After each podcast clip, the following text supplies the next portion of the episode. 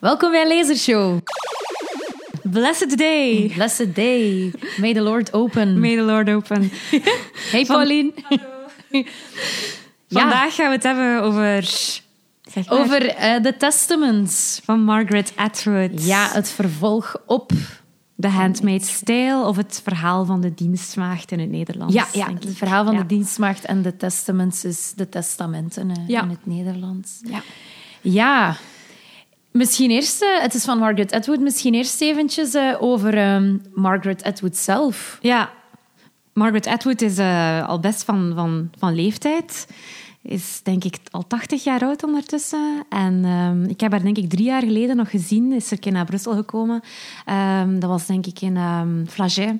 En dan heeft ze echt voor een volle zaal een, een, een, een interview gegeven. En het was echt een, ja, een heel straffe madame. Ehm, ook soms als de journalisten zoiets zei en een vraag, dan zei ze echt zo van... No. ze, ging, soms niet akkoord met de vragen die gesteld werden. En ze liet dat ook heel duidelijk ehm, horen. En achteraf kon je je boek laten tekenen. En dan heb ik natuurlijk ja, als, als een number one fangirl aanges... Allee, ben ik gaan aanschuiven en heb ik mijn boek van ehm, Alias Grace, eh, wat dan mijn lievelingsboek is van Atwood, laten ondertekenen door haar. En daar staat dus nu een krabbel in van Margaret Atwood. Wauw. Dus ja, extra value. Ja, ja, want ik heb van u dan ook eh, een boek gekregen van Margaret Atwood. ehm, de blinde huurmoordenaar, of The Blind Assassin. En die is ook gesigneerd. Super, dank u wel nog altijd. Ah ja, dat is waar. Ik had ja, alle ja, er twee. staat in For Eileen, all best. Ja. Margaret Atwood. Ik had die alle twee bij, dat is waar. Ja. Ja. Eh, dus dus je hebt, heb je al veel boeken van haar gelezen? Buiten Alias Ehm, Grace? Ik denk, ik denk dat ik... Ja, niet alles hoor. Want van zo dat futuristische werk van haar ben ik normaal gezien niet zo van. Like zo die Mad Adam trilogy. Ehm, maar ik heb heel veel boeken wel van haar gelezen, inderdaad. Eh, en sommige zijn echt... Allee, vind ik echt super, super goed. Vooral, ik denk haar, haar tweede of haar eerste boek, Surfacing, vond ik echt geweldig. Ehm, Alias Grace natuurlijk is mijn, een van mijn favoriete boeken ooit. Hij heeft zo'n prominente plaats in mijn boekenkast, waar dat iedereen het goed kan zien. Ja, de vrouwenthematiek eh, zit er stevig in bij, bij Atwood. Ja. Want ehm, natuurlijk, het verhaal van de dienstmaagd gaat veel over vrouwen. Maar Alias Grace is ook... eh, ja, want ik, ik eh, probeer even na te denken. Eh, het gaat over een, een jonge vrouw die ook dienster is. En die ervan beschuldigd Ja. wordt van haar baas te hebben vermoord. En dan belandt in de gevangenis. Ja. En ze wordt dan eigenlijk ondervraagd door verschillende mannen en zij projecteren allemaal hun verlangens en hun verhalen op haar. En wij krijgen eigenlijk maar stukje bij beetje krijgen we haar verhaal te weten van wat er eigenlijk gebeurd is op die nacht ehm, toen dat haar baas en de vrouw van die baas, denk ik, vermoord ehm, geweest zijn. Staat ook op Netflix trouwens. Er is ook een serie van gemaakt, Alias Grace. En goed. Ja, de moeite waard wel. Dus het is wel, hebben er wel een beetje... ah, het is wel een kostuumdrama, echt, zo in het genre. Maar ik vind het wel de moeite waard. Dus allee, het is mooi gedaan, ja. Oké, en daarnaast eh, de, de blinde huurmoordenaar, ehm, of de Blind Assassin, heeft ook eh, de Booker Prize gewonnen in het jaar 2000. Dat was fantastisch. Eh, het, is, het is al een tijdje geleden dat ik het heb gelezen. ehm, en vooral het gevoel is mij bijgebleven. Ehm, eerder dan, dan het precieze verhaal, die twee zussen en een van hen pleegt zelfmoord. En langzaamaan kom je dan ook wel te weten wat dat er aan de gang was toen zij jong waren. En, Het is een heel ingewikkeld verhaal. Hè. Ik denk, er zit zo een verhaal in het verhaal. En dan zit er in het verhaal, in het verhaal, zit er nog een verhaal. Zo meer science fiction, een boek dat geschreven wordt. Ehm, En dus- krantenartikels, ja, denk of, ik. Of, of strips, ik weet het al niet meer. Ja, het is inderdaad, het is, het is heel hard een verhaal in een verhaal in een verhaal. Eh, want het is heel goed gedaan ook, hè. Ja, ook eh, denk ik, voor zover ik het mij nog kan herinneren, heel plot-driven. hè. De plot, ja, zeg je dat? eh, Plot gestuurd. Ja, plot gestuurd misschien, ja. Eh, en dat, is, eh, eh, dat, dat vind ik wel kenmerkend voor de boeken die ik al van haar heb gelezen. Zoals die en dan Alice Grace en dan The Handmaid's Tale. Ehm, dat, dat, dat je echt wel wil verder lezen om te weten waar gaat het hier naartoe met die personages. Ja, ik heb de Testaments in één dag uitgelezen. Amai. Dat was echt zot. Ik ben op een zondagochtend begonnen. En eh, ik denk dat ik dat gewoon 200 pagina's in één keer heb gelezen. En dan s'avonds, ik wou, ik wou echt zo graag weten wat, hoe het verder ging. Like dat je zegt, dat, dat plot, dat, dat, dat stuurt je echt voort.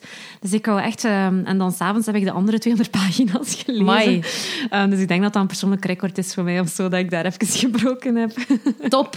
Ja, ik heb het op een paar dagen ook wel uitgelezen. Um, want het was, ja, het is enorm. Je wilt inderdaad altijd maar weten hoe dat het verder gaat. Um, misschien moeten we het even kaderen, hè, want ja. het is het vervolg. Of ja, het, het past binnen de... Ja, het is een vervolg. Het is een vervolg op uh, het verhaal van de dienstmaagd, de Handmaid's Tale, uh, dat uh, Ed Wood heeft geschreven in 1985. Dus dat is al ja, een dikke... Wij waren nog niet eens geboren. Ja, ik was hè? min vier. dat is echt... Uh, allee, dat is van voor onze tijd eigenlijk. Hè. Dat is, dat is, um... Maar is op zich, uh, de laatste jaren heeft het wel echt een soort van uh, renaissance ondergaan. Het wordt terug um, in de, ik denk de top 10 van boeken terug van de verkooplijstjes ieder jaar. Um, haalt het toch weer een, een zeer goede plaats. en ik denk ook, dat was na, allee, het is eigenlijk na de verkiezingen van Donald Trump, dat dat boek eigenlijk terug een soort van... Ja, dat, dat mensen zich daar eigenlijk naar teruggrijpen. En dat mensen eigenlijk ook um, zich zijn gaan beginnen verkleden als de handmaids. Voor de mensen die het misschien niet kennen, moeten we Ja, misschien moeten we het even schetsen. Hè? Het is uh, een... Uh, Amerika bestaat niet meer. Um, en uh, het, is, het is veranderd in, in een land dat heet Gilead. Gilead. En dat wordt bestuurd door extreem uh, oud-testamentisch gelovige mannen. heersers, mannen. Uh, en de, de vrouwen aanwezig in de maatschappij, die zijn duidelijk ondergeschikt hè, aan, aan, de, aan de mannen. En zij volgen een, een strikte hiërarchie. Dus iedereen in de maatschappij heeft een andere rol. Uh, en er zijn verschillende groepen. De vrouwen zijn, sommige vrouwen zijn legaal en andere vrouwen zijn illegaal. De legale vrouwen, er zijn tantes, de aunts. Zij hebben eigenlijk mee Gilead ontworpen. Zij zijn mee de architecten van, van uh, het, ja, het land. En uh, zij staan ook achter die filosofie van eh, mannen, hebben, mannen gebruiken hun brein, mannen mogen lezen en wetten maken en controleren en vrouwen zijn dan de zachte types, die staan vooral in voor uh, kinderen krijgen, wat dat een heel pertinente plaats neemt in, in uh, die maatschappij. Uh, en zijn het zachte, zijn, wordt hen verboden om te lezen. Behalve de, die aunts zelf, die zijn in staat om daar wel mee om te kunnen. Want vrouwen die uh, hun hoofd wordt zot gemaakt, die zijn, uh, ja, dat is een groot gevaar voor de maatschappij. Dus die, je hebt die tantes, dan heb je de wives, de vrouwen van de, de bestuurders van Gilead, de commandanten. En die, ja, die lijken dan bovenaan de maatschappij te staan, maar eigenlijk worden die evenzeer onderdrukt. Ze hebben niet veel meer macht, hè? Nee, dus, dus vooral pro forma denk ik dat zij meer macht hebben. En zij zijn altijd in het blauw gekleed. Ja, zij hebben blauwe gewaden en de, de tantes hebben bruine gewaden. Ja, maar de, ja, inderdaad. En dan heb je nog de, de handmaid zelf, hè, de dienstmaagden die in het rood gekleed zijn. En die moeten een soort van witte hoed dragen, waardoor eigenlijk een soort van kap, zo'n beetje uit, dat je zo misschien herkent zo vanuit van die Nederlandse schilderijen, um, waardoor dat ze eigenlijk um, ja, je kan hun gezicht niet goed zien. Zij moeten zich eigenlijk een beetje verstoppen. En die dienstmaagden um, zijn eigenlijk een beetje de... Ja, de, de baarmoeder van de staat of zo. Ja. Hè? Zij moeten, ze worden eigenlijk bij een bepaald gezin geplaatst. En uh, dus iedere keer als zij vruchtbaar zijn, worden zij eigenlijk gewoon maandelijks um, verkracht, ceremonieel verkracht, door de opperbevelhebber of de bevelhebber bij wie dat zij op dat moment wonen. Ja, bij die commandanten. Ja, hè? Ja. In de hoop dat die handmaid dan zwanger gaat worden en een kind ter wereld gaat brengen. Want dat is het grootste probleem van Gilead, is dat er eigenlijk een soort van... Um, onvruchtbaarheid. Hè? Ja, een onvruchtbaarheidsprobleem heerst, waardoor dat, um, heel veel vrouwen niet meer vruchtbaar zijn. En dat kinderen eigenlijk een, een een schaars goed zijn geworden. Ja, ja. En ook volgens de theorie van Gilead zijn de vrouwen onvruchtbaar en over de fertiliteit van de mannen wordt niet gesproken. Dus als een koppel geen kind kan krijgen, dan ligt het sowieso aan, aan de, de vrouw. Dat is eh, blijkbaar ook de filosofie van Gilead. Dus, want de mannen zijn oppermachtig, dus aan hen zal het sowieso niet liggen. En als die handmaids dan uiteindelijk, als ze geen kind krijgen na verloop van tijd, dan worden die ook eigenlijk naar een strafkolonie ehm, gestuurd. Hè? Ja, inderdaad. Waar de andere vrouwen en dissidenten ook... ehm, Ja, ja. ja. Het is En- een maatschappij waar dat iedereen zijn, zijn duidelijke rol, zijn duidelijke positie en, en de daarmee gepaardgaande regels heeft. En we zijn nog de, de Marta's De vergeten. Marta's, hè, de, de huisvrouwen, of ja, de, de huishoudsters van Ja. de, de eh, gezinnen van de commandanten en de wives, die, eh, die doen alle huishoudelijke taken en die zijn niet getrouwd. Die dragen grijze Ja, kleren. grijsachtig. Ja. En die, doen, ja, die koken en die gaan naar de markt en die kuisen. En die zijn zo'n beetje de, de slaafjes, de huissloven. Eh, die moeten zorgen dat die grote huishoudens allemaal ehm, goed draaien. Ja. Dus dat zijn eigenlijk de klasses die je En de, hebt. de econo-wives, hè. De Ah, econo- ja. Je hebt ook nog dan zo de gewone burgers, maar daarover leer je heel weinig. Dat is zo precies het, het, het gewone volk, zo de massa. En dat zijn dan mensen die de maatschappij doen draaien op andere gebieden. Ik denk boeren en, en zo. Je kunt er u eh, niet zo heel veel... eh, daar zeggen ze niet zo heel veel over. Nee. En die staan beneden ook. Dus dat, daar, daar ligt de focus niet echt op, denk ik. En in de handmaid-stijl leren we eigenlijk Offred kennen. Dat is het hoofdpersonage. Zij is de handmaid van de handmaid-stijl. Dus het is eigenlijk haar verhaal dat we krijgen. En ehm, zij geeft ons eigenlijk een soort van insight, een blik in die strenge religieuze maatschappij. En, en het, is, het is vreselijk, hè? Om daar Ja. te moeten leven. Ja, want zij is een handmaid en Gilead beslist wie dat er handmaid wordt eh, op basis van uw verleden En uw vruchtbaarheid. en uw vruchtbaarheid. Dus Ja. de beide, maar het zou, er zijn ook wives die vruchtbaar zijn. Hè, maar dus, voor zover ik het goed begrijp, als je eh, ooit gescheiden was eh, in, in de gewone Amerikaanse maatschappij, dan in, onder Gilead, ehm, word je dan een handmaid, omdat gescheiden vrouwen, dat zijn, dat zijn schandalige vrouwen. En Offred, of June, of ja, Offred eigenlijk. Maar is dat een- staat dat in het boek of is dat nu de serie dat je aan nee, nee, nee, nee, ik heb het... Want June, de naam, komt nooit in het boek. Nee, hè? June, nee, nee, June Want- komt in de serie. Dus Offred, of... eh, Want dus- er is, er is ook een serie inderdaad van Hulu, misschien dat we dat er ook al even bij zeggen. Ja, ja. Eh, dus het boek is verfilmd geweest na- naar een serie. En heel veel mensen kennen het verhaal eigenlijk daarvan. En het is eigenlijk, daar vind ik dat ze de, de handmaid eigenlijk een beetje anders opvoeren dan in het boek. Mhm. Ehm, je krijgt veel meer background information die in het boek niet aanwezig was. En ook, ik vind dat, dat van, van Offred een veel ehm, strijdbaardere vrouw maken. Veel meer iemand die zoiets zegt van fuck you bitches, ik ga hier... eh, Terwijl in het boek is het eigenlijk iemand die vooral naar de grond kijkt en die niet per se in revolutie gaat en die, die, heel, die meer naar zichzelf kijkt en probeert gewoon ehm, alles een plaatsje te geven. Maar ik heb je onderbroken, maar ik, omdat je zei van, dat zij gescheiden was. Ik Nee, zij niet. of- Dus zij... zij Ze is een ehm, echt breekster. Ze is een Ja. echtbreekster en ze is samen met iemand die, die zijn vrouw heeft verlaten voor haar, wat dat haar dan een echtbreekster maakt en een, eh, een eh, hoe zeg je dat, een, Een geval- subversief element. Een gevallen vrouw. Ja, een gevallen vrouw. Ja. Dus dan eh, wordt Amerika omvergeworpen en dan is eh eh, belandt Offred in de handen van die commanders, die commandanten, en wordt zij dus geplaatst in een familie bij ehm, de commandant Fred. Daarom heet zij Off Fred, Ja. hè, dus van Fred. En ook wel, zegt Edward, omdat ze offered, als een soort offer wordt gebracht. Eh, er zijn verschillende interpretaties over haar naam. Eh, ook het feit dat zij Edward ook dat eh, het een verwijzing is naar alle vrouwen die genoemd zijn naar een man. Dus in veel, in veel landen en in vele talen is het nog zo son of, of, of getrouwd. En dan wordt uw familienaam de vrouwelijke versie van uw partner zijn naam. Dus bijvoorbeeld die namen met ova in het Russisch of het Pools, dat betekent eigenlijk van of. Hè, bijvoorbeeld Ah. Romanov, Romanova, neem nu.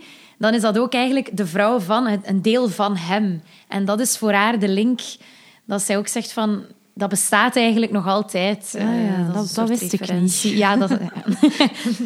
Oké, maar dus Offred belandt daar en zij moet zo snel mogelijk een kind... We zijn nu dus voor alle duidelijkheid De nog altijd wat context aan ja. het scheppen om dan verder te gaan over de testaments. Maar, we kunnen, misschien moeten we dan nog even kort... Ja, Ja, Pauline? eigenlijk zij... ehm, ja, haar doel is om, om, om, uh, om, om zo snel mogelijk inderdaad een, een kind op de wereld te zetten, um, zodat zij dan zou gezien worden als een goede handmaid in principe. Um, en dat is eigenlijk de taak van de handmaid. Het enige wat ze moeten doen is proberen zwanger zien te geraken. En um, ja, we kunnen eigenlijk zo misschien dat, niet te veel zeggen ja. over het eerste boek, omdat het tweede boek verder gaat over andere mensen dan de handmaids zelf. Eigenlijk, Offred komt... Uh, ja, ze komt wel in de testamenten, maar het, is, allee, het heeft geen prominente rol meer, in feite. De hoofdrol gaat hier eigenlijk, allee, voor mijn part, eigenlijk naar een van die, van die tantes, van die aunts. Aunt Lydia, die we eigenlijk al leren kennen in de handmaid-stijl, krijgt hier nu eigenlijk, ja, vind ik toch wel de, het, het podium voor haar. We krijgen echt haar ideeën en, en haar persoonlijkheid hier meer te zien. Hè? Ja, dus ik denk dat een van de sleutels tot het succes van de testamenten is dat in, in The Handmaid's Tale, het eerste deel, het verhaal van de dienstmaagd, uh, leer je Gilead kennen. Maar bij alles dat ze daar zeggen, denk je, oh, ik wil daar meer over weten. Hoe werkt die maatschappij? En wat betekent dit en dat? En wie zijn die tantes? En je wilt heel veel weten. En daar krijg je vooral een beeld van de dienstmaagden, hè, van, van uh, de handmaid. En dan het, het goud van het nieuwe boek is, ah, we krijgen de tante, de architecte van Gilead, die mee alles heeft uitgedacht. En dan ook nog uh, een meisje dat opgroeit in Gilead. Ja. Uh, die eigenlijk een dochter is van een van die wives. Hè. Dus zij is als kind zij is opgegroeid binnen die maatschappij. Uh, en zij heeft nooit iets anders gekend. Zij heet Agnes. En dan hebben we ook nog Daisy. En Daisy groeit op in buurland Canada maar geraakt ook betrokken bij Gilead. En Gilead is heel aanwezig in Canada ook. Het, zijn eigenlijk, het boek is eigenlijk, ieder, ieder hoofdstuk krijgen we een, een van die drie vrouwen aan het woord. Eigenlijk, hè. Dus zo is het boek eigenlijk opgebouwd. Dat één hoofdstuk heb je dan bijvoorbeeld Agnes die vertelt. Dan springt het naar Aunt Lydia in het volgende hoofdstukje. En dan gaan we naar Daisy. Wat vond je daarvan eigenlijk? Uh, ik vond dat uh, ja, leuk. Leuk ja? Om, om... Ja, wel, natuurlijk, zoals we daarnet al zeiden, het is heel uh, plot gedreven. Dus, maar je bent door... Ik, ben, ik, was door alle drie de verhalen geïntrigeerd. Ik ook, maar ik vond het wel frustrerend. Iedere keer als je zo in een hoofdstuk zat en als je zo helemaal mee was met het verhaal, dan stopt dat hoofdstuk en dan moet je opeens terug naar een ander verhaal. En ik dacht zo, in het begin dat ik zo een paar hoofdstukken gelezen had, dacht ik van, oh, ik wil eigenlijk gewoon al die stukken van Lydia naar elkaar lezen, al die stukken van, um, van Daisy. Want ja, zo werkt het natuurlijk niet. Hè? Maar nee, nee, nee. Daar nee, moet want ik me even aan aanpassen. Uiteindelijk, natuurlijk zijn ze ook met elkaar verbonden. Ja. Hè? Dus, maar ik zal anders... Uh, dus het, het, verhaal begint met Aunt Lydia. We zullen misschien nog iets meer informatie over haar geven. Voor de rest is... Doe maar. Als ah, ja, ik heb nu al twee keer gezegd, ze is architecte van Gilead. Maar dus hoe is ze daartoe gekomen? Ja, we krijgen hier in feite haar background story. Hè. Um, en dat, verschilt ook van de serie, want in de serie krijgen we ook een background story van Aunt Lydia, maar hier is het wel een, een betere background story, vind ik. Zij was vroeger eigenlijk, toen het nog een normale wereld was, de wereld zoals wij die kennen, was zij eigenlijk een, een, ehm, een rechter. Ja. En um, toen dat dan die maatschappij veranderd is en, en dat die, ja, die, die godsdienstwaanzin eigenlijk een, een nieuwe maatschappij gecreëerd heeft, wilden ze eigenlijk ook um, vrouwen die, die vroeger in power positions waren, wilden ze eigenlijk ook die, ja, die macht van terug afnemen, maar tegelijkertijd ook ja, een kennis stelen. Ja, dus It takes one to know one. Ja. dus eigenlijk, ze hebben al die vrouwen in een soort van, ja, dan, dat kunnen we wel vertellen, een soort van stadium um, opgesloten. En dat was echt, dat vond ik echt zo'n hallucinante scène. Ze vertelt daar dan zo van, ja, sommige van ons menstrueerden niet meer, maar sommige van ons wel nog. Dus um, wij zaten daar opgesloten met allemaal vrouwen. Er was niks van, van, van water of hygiëne. We, allee, het bloed liep langs ons, we stonken. Dus je wordt eigenlijk als vrouw teruggebracht op, op, op ja, op je basic lichaam. En je hebt niks van rechten. Of, of, of van, dus ja, je woont daar samen met allemaal vrouwen. En dan op een gegeven moment um, wordt er een soort van ja, iedere nacht worden er vrouwen weggeroepen hè, en weggenomen. En die zijn dan gewoon kwijt, die komen niet meer terug. En Aunt Lydia wordt op een gegeven moment ook um, s'nachts uit dat stadium weggehaald. En ja, zeg maar.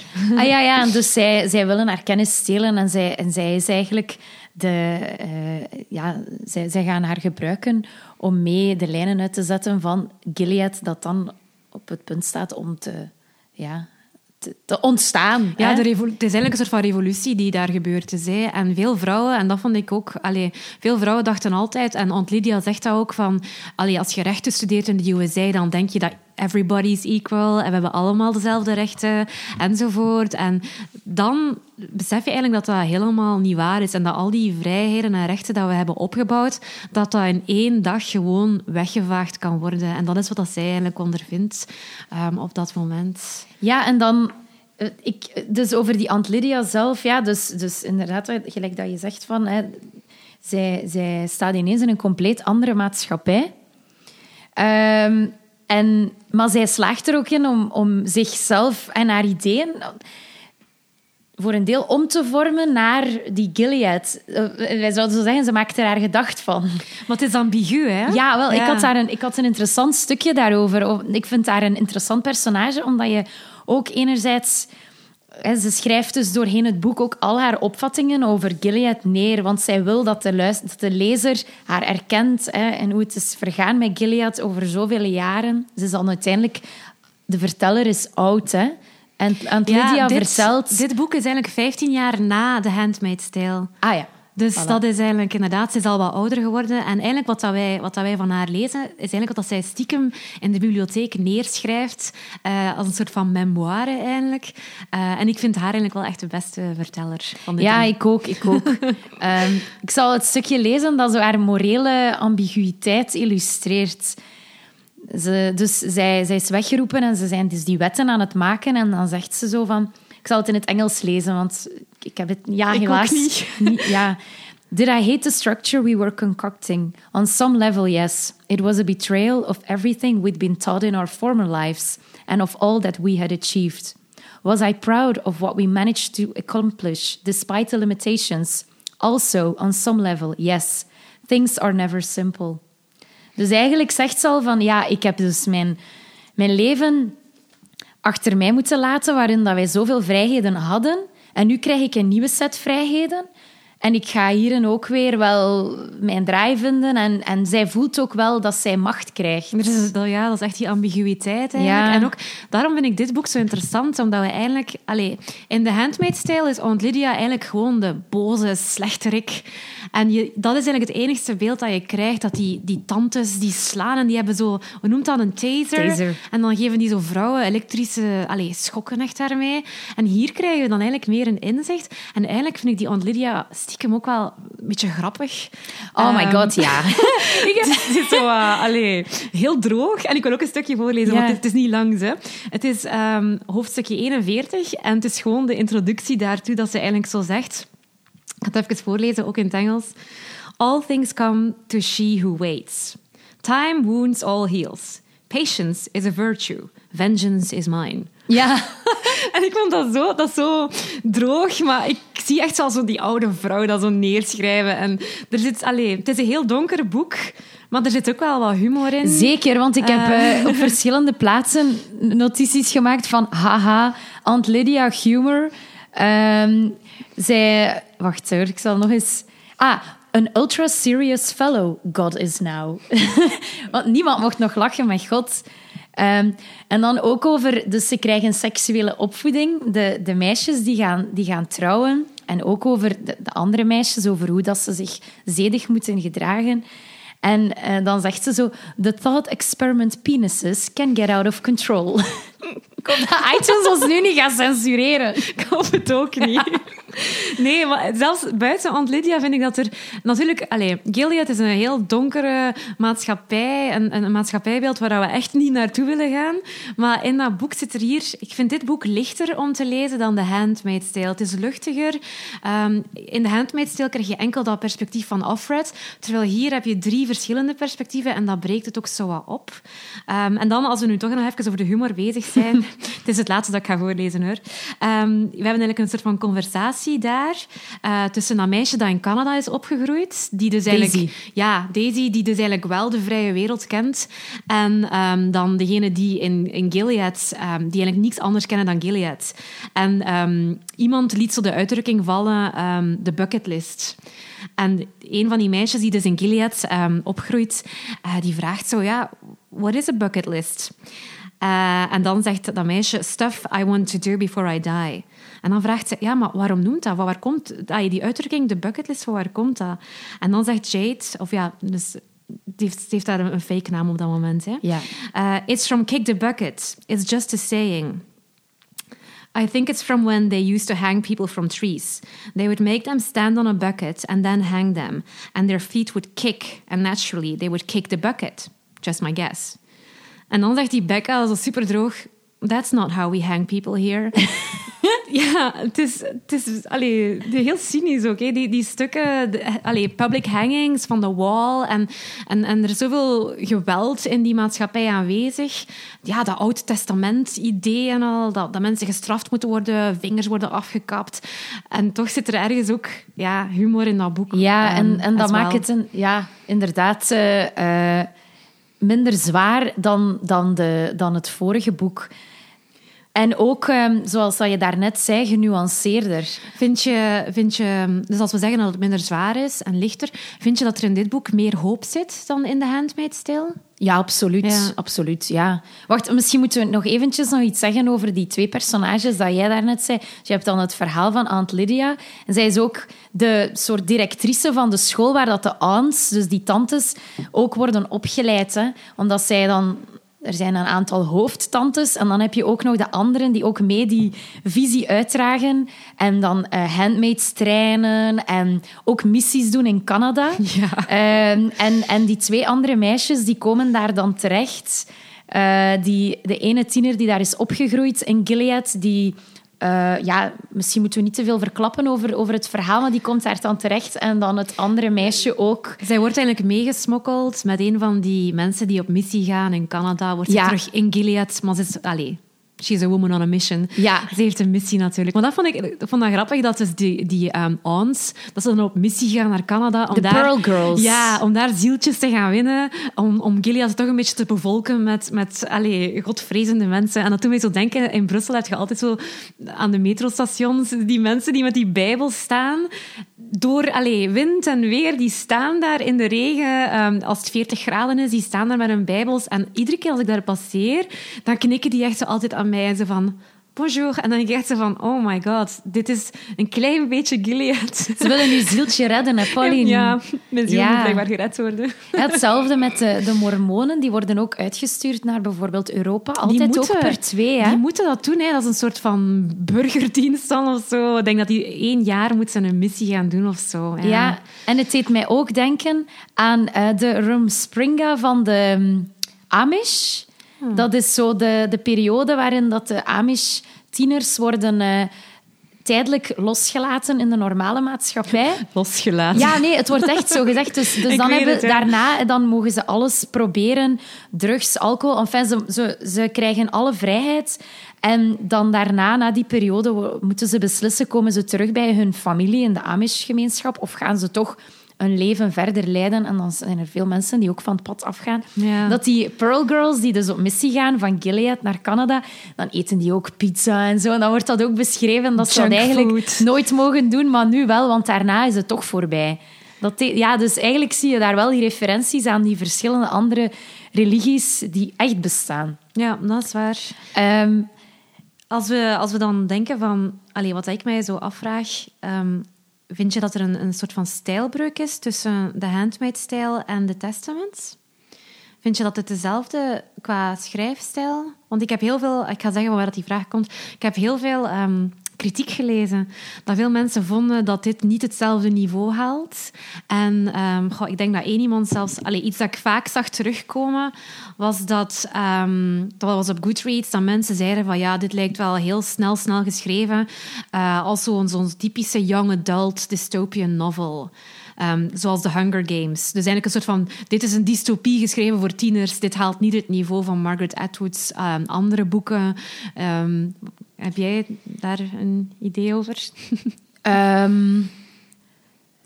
weet, ja, ik, ik, dacht net dat dat... dus twee van de drie personages zijn ook tieners. Ja. En ik vond dat juist een pluspunt dat de Atwood erin slaagt om die toon ook aan te passen aan haar personage. Want als Aunt Lydia praat, dan krijg je een, een heel andere stijl dan wanneer um, Daisy of Agnes aan het woord zijn.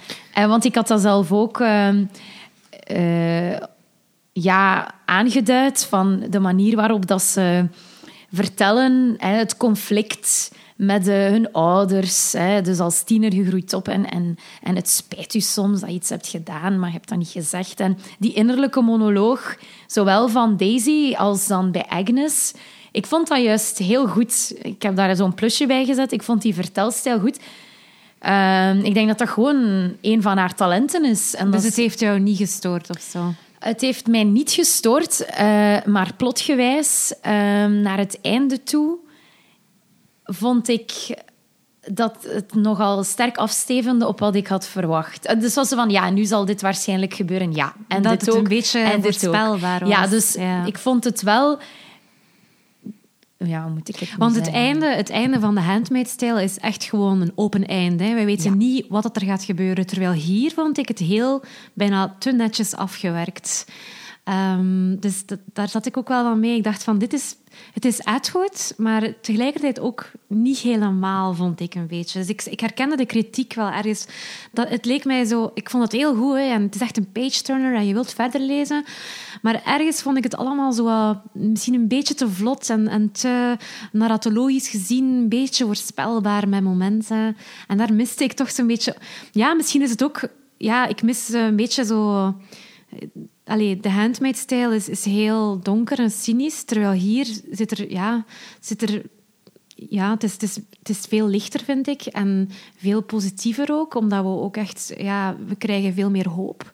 En misschien dat dat ook een verschil maakt mm daarin. Maar ik vraag me ook af, misschien dat Edward, met dat ze nu ook al wat ouder is, misschien is dat voor haar belangrijk, dat ze wat meer... Dat ze mensen misschien meer wilt Ehm, ja, een positief beeld geven. Dat, ja, ehm, dat we dan, misschien hebben we daar de dag van vandaag ook meer nodig. Allee, meer nood aan dan in 1985. Ik weet het niet goed. Ja, ik, ik vraag me af of dat ze het zou geschreven hebben mocht de serie er niet geweest zijn. Dat is iets dat ik ook veel heb zien opduiken van... Ja, uh, Margaret Atwood is even de, de financiële melkkoe aan het uitmelken. En eh, de serie is natuurlijk een gigantisch succes. Ik denk dat er een vierde seizoen al aan de, allez, in de maak is. Um, en ja, misschien zit dat er ook wel voor iets in. Ja, want dus het is 34 jaar geleden dat het Handmaid's stil geschreven is. Het, er is inderdaad een soort open einde, maar ze pikt ook niet in op het einde. Ze gaat eigenlijk zelf verder, um, wat dat het ook interessant maakt. Uh, maar ik denk dat het vooral de interesse, eh, of zeg je dat, de voet van, van uh, mensen die zeggen: Oh, Gilead, wat gebeurt er daar en hoe zat het allemaal? En Volgens mij zou ze het niet geschreven hebben mocht die serie niet bestaan hebben. Waarom zou ze? het is inderdaad wel frappant, dat je zegt, zoveel jaren niks. En dan nu ineens komt er dan een vervolg op. Ja, misschien inderdaad wel. Wat dat in um, er stond een heel artikel in uh, The New Yorker over dit boek ook. En daar zeiden ze dat, um, dat wij ons na de Handmaid's Tale, de serie en het boek, dat wij ons als vrouwen heel hard identificeren met die handmaids.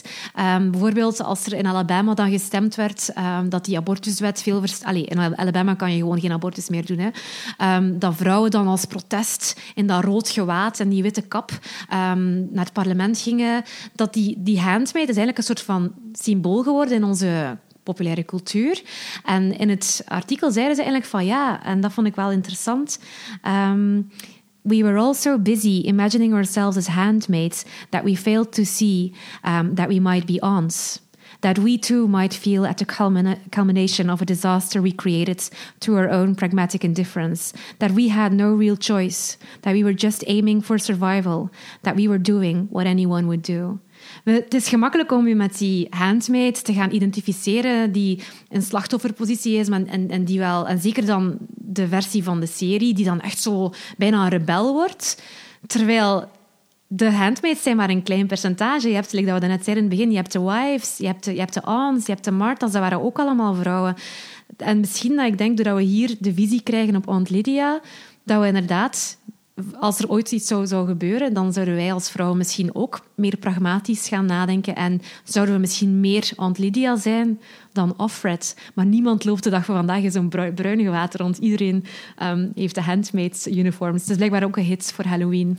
Ja, want ik, ik denk, was het in dat artikel ik denk dat het ook ging over eh, de Kardashians of zo. Ja. Die dan, dat, als, eh, dat er dan eh, een van die Kardashians zich had verkleed in, in The Handmaid en dat dat dan een beetje wordt getrivialiseerd. Kyle Jenner. Ah, heeft, Jenner, ehm, ja. She threw a Handmaid's Tale themed party for her best friend's birthday. Ja.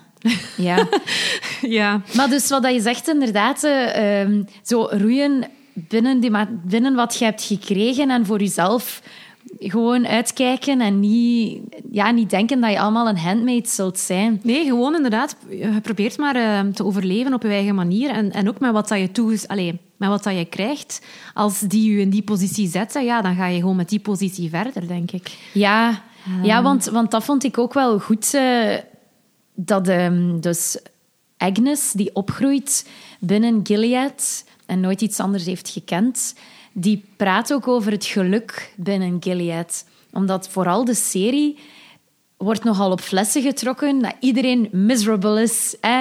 Een, een miserabel bestaan leidt een beetje in Gilead. Hè?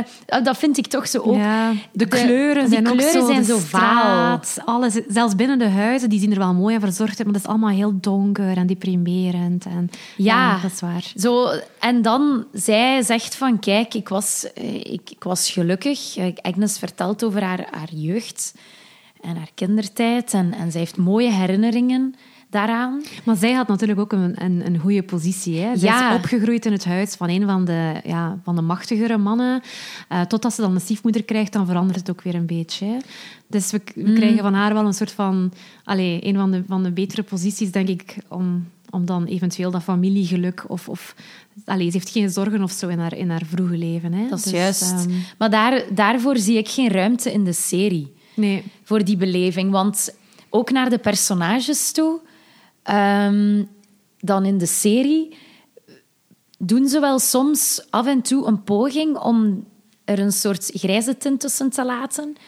Maar de meeste personages zijn eerder ofwel slecht, ofwel de goede kant en dan strijdvaardig en we moeten Gilead vernietigen. Behalve dan de vrouw, die dan... Hè, dus Offred woont dan samen met Serena. Daar doen ze wel meer... Serena Joy. Serena Joy, de wife. Zij, is dan, zij, zij kan dus zelf geen kinderen krijgen, dus Offred woont dan daarbij. En, en, maar, Het is daar ook een zekere ambiguïteit bij, die, bij dat personage. Hè? Ja. Ja, ik dat vind ik het goede aan, aan dit boek is inderdaad dat we zo dat zwart-witte van die serie, dat we dat toch wel een beetje achter ons laten en dat we een meer genuanceerd ehm, beeld krijgen, zowel van Gilead, maar ook van, van dus eigenlijk de aunts en, en kinderen die daar opgroeien, hoe dat, dat is en zo. En we krijgen veel meer informatie mee, ook vind ik, eh, over hoe het is om in een, een religieuze maatschappij zoals deze ehm, te leven. Wat dan misschien de link neemt naar een andere religieuze maatschappij. Ah ja, ja, Onze ja. oldtimer? Ja, tuurlijk. Shoot. Shoot. Pauline? Ja. Ehm, we hebben deze keer als oldtimer ehm, de Scarlet Letter gekozen. En in het Nederlands, ik heb het even opgezocht, eh, de titel. Weet je de titel? De Scarlet Letter. In- ah, in, in het Nederlands. De rode letter. Wel, ja, de rode letter, maar blijkbaar echt in de hele eerste vertalingen was het niet de rode letter, maar de scharlakenletter. Scharlaken, een prachtig Ja. woord zeg. Ja, Scarlet. Want ik vind ook wel Scarlet vertalen als rood. Ja, het mist zo, uh, het mist zo wat drama. Maar zeg maar, de rode letters, dat is direct ook een beetje de connectie met, met uh, de handmade-stijl, Ja. de kleur rood. Ja, er is een, een vrouw en die wordt eh, ten, eh, zeg je dat, Ehm, publiek eh, aan de schandpaal genageld. omdat zij iets heeft mispeuterd. En we weten niet heel... Weten we wat? Wel, Ja. ze, het is eigenlijk misschien... Allee, het is sowieso het is een historische roman, hè, dus het speelt zich in een heel andere tijd af. Ik denk zo, ja, het Puriteinse Boston. Eh, maar die Puriteinse gedachten, allee, die komen ook heel sterk terug in de, de Handmaid-stijl. hè. Dus het is echt zo die twee boeken. Ehm, ik vind wel dat er een, een link is. En ehm, dus het gaat inderdaad ook... Hier hebben we een vrouwelijk hoofdpersonage. En eh, we leren haar kennen. Haar naam is Hester Prynne. In, in het eerste hoofdstuk komt ze uit de gevangenis met een baby op haar arm. En ze heeft een, een scharlakenletter. Nu dat ik dat woordje scharlaken wat kan gebruiken, ehm, op haar borst. En ze wordt eigenlijk publiek ten schande gesteld. Ze moet daar op een soort van ja, podium staan met die baby op haar arm en die rode letter A, ehm, zodat iedereen haar kan zien. En dat is eigenlijk een soort van straf voor wat dat ze gedaan heeft. Die rode letter A er wordt nooit letterlijk gezegd wat dat daarvoor staat. Maar ja, sowieso is het waarschijnlijk adulterous. Um, want zij heeft eigenlijk overspel, ja, ja, overspel gepleegd. Haar man was nog in Engeland of onderweg naar Amerika. En ondertussen, zij was al in Amerika aangekomen. En zij heeft eigenlijk een buitenechtelijk kind gekregen. Dat kindje noemt Pearl. Het kan geen toeval zijn. Nee, ik denk ook dat Margaret Atwood uh, de Scarlet Letter zeker gelezen heeft. En um, dus in feite... Um, zij moet dus eigenlijk boeten voor die fout dat ze begaan heeft. En dus daarom moet ze op dat podium, uh, een schavot, moet ze daar een aantal uren staan, kaarsrecht, um, zodat iedereen en het hele dorp komt dan ook kijken naar haar. Het is eigenlijk een beetje um, zoals Game of Thrones, hè? Cersei Lannister's, uh, Lannister's Walk of Shame. Dat ze zo naar beneden loopt door de, door de stad en dat iedereen roept shame, shame, shame. Met het verschil dat Hester Prynne eigenlijk echt een, een bijna heilige is in vergelijking met um, Cersei Lannister. Maar um, dus in dat boek hebben we eigenlijk ook een soort van een religieuze, puriteinse maatschappij. En zien we eigenlijk hoe dat uh, ook een invloed heeft op, op een vrouwelijk personage. Een vrouw, een vrouw die daar moet alleen haar mannetje staan. Um, en die eigenlijk ook door de mannen rondom haar naar beneden wordt gebracht en, en gestraft um, voor de dingen dat ze eigenlijk doet. Um, dus we hebben ook een, zeker een soort van vorm van religieus fanatisme hier ook. In die Puriteinse samenleving. Ja, ze, ze eisen ook van Hester dat zij zegt wie dat de papa is van haar kind. Dus met wie dat ze haar man bedrogen heeft. Maar zij weigert dat te doen. En dan, als je het boek leest, dan zie je uiteindelijk hoe het, um, hoe het afloopt. Maar er zitten een paar echt heel goede magistrale scènes in, vind ik. Um, het, is, het is heel zo'n romantic novel. Het is heel donker en, en um, ja, het geeft ons een beeld van dat Puriteinse New England. en er zijn echt wel raakvlakken, vind ik, met, die, met de Handmaid's Tale. Want het is ook een, eh, een, al een vrij oud boek. Hè? Ja, het is, het is, het is uh, meer dan 150 jaar geleden en, um, gepubliceerd, maar in Amerika is dat echt... Uh, zoals ja, To Kill a Mockingbird, onze mm -hmm. vorige oldtimer, een boek dat iedereen op school moet gelezen hebben en daar een essay over schrijven. En ik denk tot grote frustratie van, uh, van, van, van de jonge mensen daar, want het is echt... Het, het taalgebruik is heel archaïs. Hè? Dat is zo dat van de 19e eeuws Engels. Um, dus ik kan me voorstellen dat tieners daar de dag van vandaag toch wel wat gefrustreerd over zijn dat ze dat nog steeds moeten lezen. Um, maar het is, het is wel een, een, verhaal dat nog altijd, denk ik, allez, zoals dat we nu zien, de link met de handmaidstijl, maar dat nog altijd tot de verbeelding spreekt. Er zijn ook tientallen verfilmingen geweest. Een zwart-wit film zelfs in het begin, toen er nog geen sound was bij de films. Um, dan is er ook um, een, een, film met Demi Moore. Uh, Demi Moore. of is, nee, de, de, ik, ik, moet denken ah. aan Friends, waarin dat de Monica haar haar wil laten knippen als Moore. En dan denkt, denkt iemand dat het Roger Moore is of zo. En dan ah. knippen ze haar haar zo kijk kort. En dan is het eigenlijk Demi Moore. Ah, oké. Okay. Ik weet niet. Ja. Demi Moore. Ik dacht het, ik weet het niet. Maakt niet uit. In ieder geval, die film moet je zeker niet zien. Want dat is echt een van, ja, dat is echt een schandalig slechte film. Waarin dat het verhaal ook helemaal, ze maken er dan zo'n happy eh, Hollywood ending van. En ik denk een van de, um, van de reviews dat ik had gelezen, één bekende filmcriticus, um, die noemde het zelfs the worst film ever made. Oeh. dat wil wel al wat zeggen. Um, dus die moet je zeker niet kijken. er is ook een manga-strip, uh, waarbij dat alles in zwart-wit is. Dus de afbeeldingen zijn in zwart-wit. Maar de um, Scarlet Letter is dan natuurlijk de rode letter. is de enige kleur dat je ziet in die manga. En dat is ook wel allee, origineel gedaan. En dan als laatste hebben we nog Easy A. Ah, de film met Emma Stone. Heb je die gezien? Ja, ik vond die heel leuk. Ja, dat is eigenlijk een high school movie, maar uh, daar zitten heel veel referenties in ook naar de Scarlet Letter, want op dat moment lezen zij dat boek uh, in de Engelse les. En um, ja, Emma Stone is eigenlijk een beetje een hedendaagse Hester Prynne. Ja. En zij wordt eigenlijk een beetje gezien als de school tramp. Er, er, ontstaan allemaal roddels over haar. En als ze zo gezegd met iedereen naar bed gaat. En zij neemt dan zo die, ja, de E, de rode letter A, en zij... Ze steekt hem zelf op haar borst en she's gonna wear it with pride. Ja, dat is eigenlijk echt uh, een, een, een goede film om ja, eens te bekijken. Het is een, ja, het is een leuke film. Um, en het is, het is tof dat er zo referenties naar de Scarlet Letter in zitten. Eh, vandaar, ja. Oké. Onze oldtimer. Voilà. Ja, ik vond, ik vond het een duidelijke link tussen die rode letter en dan dat rood gewaad van, de, van de handmaids dat we altijd zo zien. Maar dat vroeg ik mij af, want ehm, je hebt dezelfde editie als ik. Hè? Ja. Als we teruggaan naar de Testaments, als je Ja. kijkt naar de voorkaft, de handmaid heeft opeens zo geen rood meer aan. Of is dat niet de handmaid hier? Jawel, hè, want ze heeft Ja. een witte kap.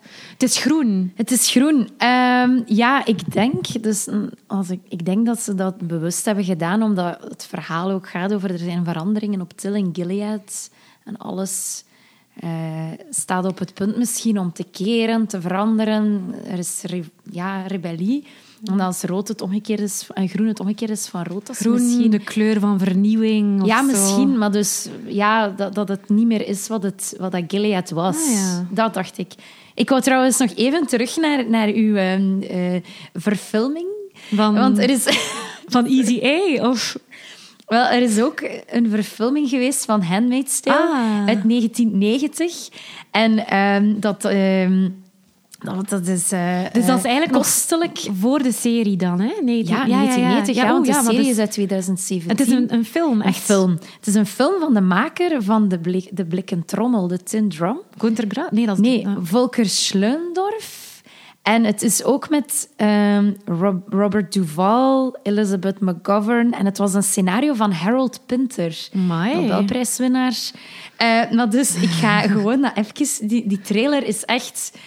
die- dan krijg je echt een beeld, want die film is ook geflopt. Dus het is precies... Ja, zo een beetje mooi en medogeloosachtige serie. Ja, die, ook zo alles is gewoon jaren negentig, maar dan hebben ze daar zo die handmaids ingeplakt. En, En die wie, wife. wie speelt er Offred? Offred Is dat- is... ehm, Of ja, ja, nee, niet wacht, ik, ik, ik, heb het, ik heb het vergeten opschrijven, maar het is iemand die een actrice, maar ze is al gestorven. Ah, is dat niet... ehm, jawel, maar ik, ik denk dat ik het Een weet. blonde. Natasha Richardson. Ja, De vrouw die. van Liam Neeson. Ja, exact. Ja, juist. En dus, wacht, ik ga het gewoon even in de microfoon afspelen. wacht, hè. Maar gaat dat werken? Ik weet dat niet, maar ik heb dat wel in andere podcasts al gehoord.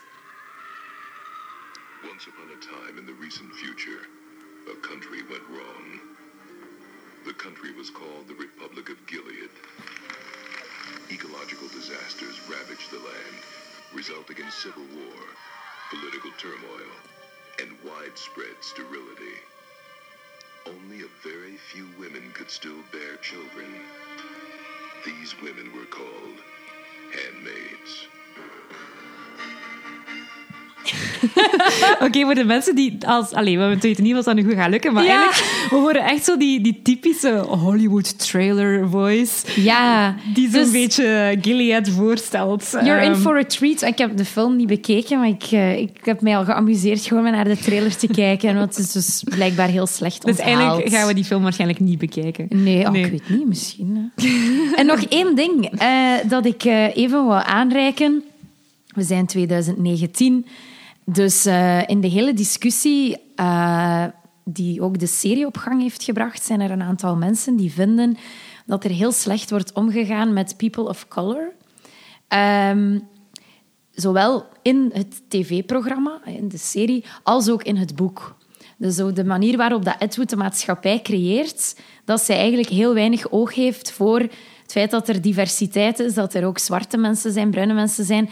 Terwijl, dat is ook de kritiek, zij eigenlijk de problemen overneemt die die mensen ooit hebben gehad. Ze, ze neemt eigenlijk elementen uit slavernij, uit de onderwerping van vrouwen, verkrachting die heel vaak voorgekomen is bij, bij bepaalde bevolkingsgroepen, door oorlog en zo verder, zonder hen te erkennen. En het is één ding in het boek, in 1985 en nu. En dan een ander ding dat ze dus in de serie proberen om het beter te maken, volgens hen, door hier en daar een eh, gekleurd personage erin te Ja, de, stoppen. ik denk de, de vriendin of de ja, beste Moira. vriendin. de van, beste vriendin ehm, van Alfred bijvoorbeeld.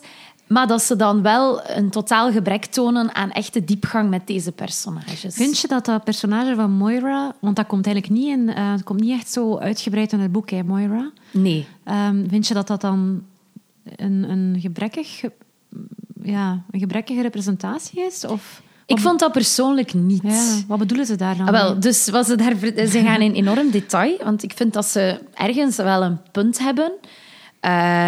Want dus ze vinden dat de manier waarop dat de camera gericht wordt op het personage, personage Moira, dat je ziet dat ze voor complexe emotionele momenten ehm, veel aandacht schenken aan de andere witte personages, zoals het hoofdpersonage Offred. Maar dan Moira, die ook heel veel doormaakt, dat die dan eigenlijk op een heel, eh, heel korte manier aan Offred vertelt en dit en dit en dit is gebeurd. En dat ze ook heel weinig ruimte laten om die complexiteit in beeld te brengen. Ook met de camera en visueel op haar gezicht en zo. Dat daar dat dat gewoon. verhaal Ja, en dat er gewoon geen ruimte is. ja. Alsof zij gewoon, eh, aan, om aan de kijker duidelijk te maken dat Moira een soort appendix is bij iemand anders zijn verhaal. Dat ze eigenlijk haar een beetje vooral gebruiken als klankbord dan voor, voor het verhaal van het wit personage, van Offred dan, of van Ja. June. Ah ja, oké. Ja, en dus dat dat dan ook wit feminisme zou zijn. En het is... Vind je dat? Vind je dat? Want we zijn nu eigenlijk afgedwaald naar de reeks, maar Ja. in het, in het boek is dat eigenlijk gewoon niet aan de orde. ja, het is natuurlijk, wij lezen het als blanke vrouw, hè. Dus dat, misschien, ja... Misschien zegt dat ook iets over de manier waarop dat wij een, een boek lezen. Want als ik even... Allee, wit feminisme, zwart feminisme, feminisme op zich. Ik vind dit persoonlijk een feministisch boek. Ehm The Testaments vind ik echt een feministisch boek. Ehm, meer zelfs nog dan The Handmaid's Tale, vind ik. Omdat we hier echt drie vrouwen hebben die... Daar zijn we weer met ons drie Ja, vrouwen. Wat zijn drie veel betere vrouwen. Sorry, not Maar sorry. ik had er al niet eens over nagedacht. Eh, maar die, dus die, eigenlijk, eh, ze, ze leefden in een maatschappij waar dat vrouwen niet mogen lezen, niet mogen spreken. Ehm, en hier krijgen we hun verhalen. En dat vind ik op zich al een, een, ja, een, een feministisch iets. Ehm, en ik vind het wel een feministisch boek, maar ik, ja, ik denk dat ik dat dan zo misschien... Ik vind dat moeilijk, zo dat wit en dat zwart feminisme. Ik, ja, ik zie dat niet zo, maar ik zeg het, ik lees dat ook vanuit mezelf. Ehm, als, als blanke vrouw. Ik, allee, als ik dan bijvoorbeeld denk aan Toni Morrison, daar heb ik ook veel boeken van gelezen. En dat is dan iemand dat je denk ik wel met zo dat zwart feminisme kan verbinden. En ik heb daar ook veel van gelezen. En ik, ja, ik, ehm, ik weet niet goed of, dat, ik dat zo opdeel in zwart en wit feminisme. Voor mij is feminisme gewoon feminisme. En dat, dat staat los van uw, van, uw, ehm, van uw huidskleur. Maar ik denk dat dat misschien gewoon ook van mijn, mijn geprivilegeerde positie komt als witte vrouw. Ja, het is zo dat ehm, binnen het verhaal van de Handmaid's Tale de mensen die African American zijn, dat, die, dat zijn de children of Ham, of the sons of Ham. En dat is dan ook gebaseerd op het Bijbels verhaal waarin slavernij werd eh, vergoelijkt door te zeggen van het is volgens de wetten van Ham of zoiets. En al deze mensen zijn eigenlijk bij het starten van Gilead verbannen naar een apart soort stuk land. En volgens critici is dat een, een soort slordige manier van eh, Edward om dat thema uit de weg te gaan, omdat dat dan een soort supremacist maatschappij is, maar dan hoeft ze dat thema al niet te behandelen. Ja, Ik het, is, het is natuurlijk inderdaad, Gilead is geen, is geen maatschappij zoals dat we die de dag van vandaag kennen. Hè. Het is een, een totalitair regime, het is een dictatuur. Het is, het, ja, het, allee, dat feit, het, het, het past in het plaatje van Gilead. Ze gaan vrouwen onderdrukken, ze gaan iedereen onderdrukken die anders is. Ehm allee, qua skin color, ehm, ik denk qua geaardheid en zo ook. Dus dat past natuurlijk in het beeld dat ze Ja. schetst van zo'n soort maatschappij. Ja, dus ze zeiden ook wel dan van ja, eh, alsof mensen die inderdaad iedereen onderdrukken, dan dat ras geen issue zou zijn.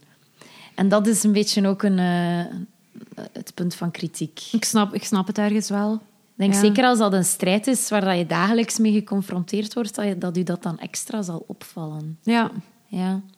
Ja, dat, dat snap ik ergens wel. Ehm, ik denk dat iedereen het ook al- allee, op een andere manier leest. Ehm, ik denk dat er heel veel verschillende manieren zijn om, om, om dat boek te, te lezen. Ja. Ehm, ik ben blij dat ik het gelezen heb en ik ben ergens wel blij dat Edward gekozen heeft om het te schrijven. Omdat we meer ja, op, ik vond het een beetje duur natuurlijk. ik, heb het gekocht, het was een hardcover, 27 euro. Ja. Ik vond het wel wat veel, zeker omdat het eigenlijk een... Ik vind het een heel lelijke cover. ja. Eh, dat Mijn lief zei, amai, zo mooi. Ik zei, wat? ik vind het echt spuuglelijk. Ehm, maar ik ben wel heel blij dat ik het gelezen heb. En, en ehm, ik vind het... Het is, niet, het is niet zo hetzelfde niveau als de Handmaid-stijl, maar ik vind het wel ook... Allee, ik heb het heel graag gelezen. En als ik dan moet denken aan de laserstralen, Ja. misschien is het tijd voor ons judgment. Oeh. Ga jij maar eerst deze keer. Ja, ehm, dus ik zal, ik zal zeggen, op vijf laserstralen geef ik het eh, vier.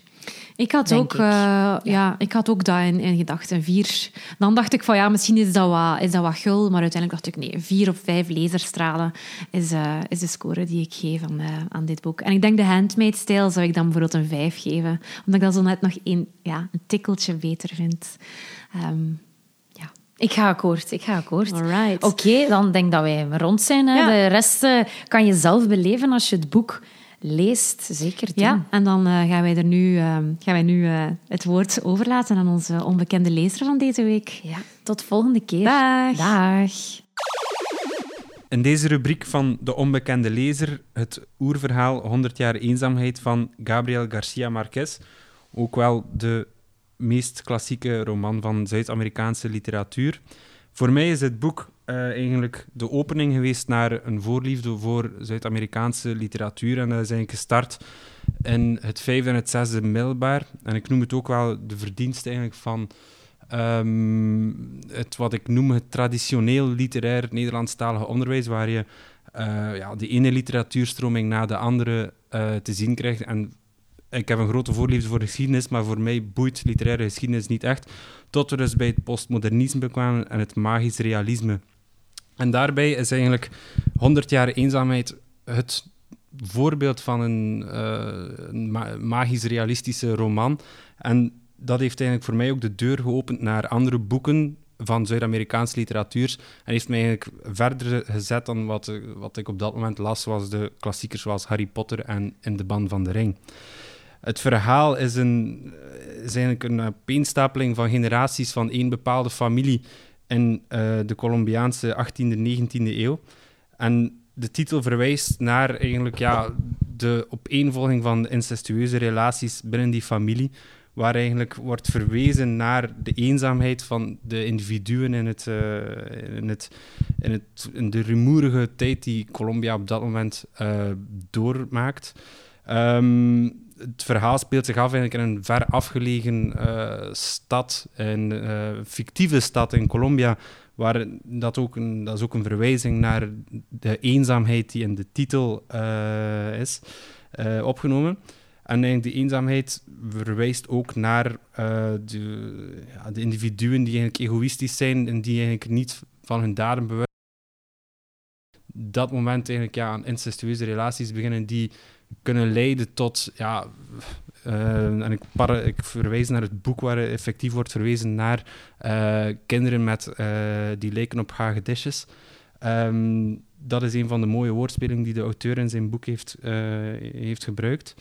Ehm, maar het boek is dus voornamelijk voor mij heel belangrijk geweest, omdat het een, eh, mij in contact heeft gebracht met Zuid-Amerikaanse literatuur, zoals je ook ehm, Mario Vargas Llosa hebt, Isabel Allende, die ook ja, heel belangrijk zijn geweest voor ja, het magisch realisme, eh, dat toch vooral in Zuid-Amerika zijn eh, oorsprong heeft gehad. En waar ik ook nu nog altijd heel vaak boeken in dat genre lees.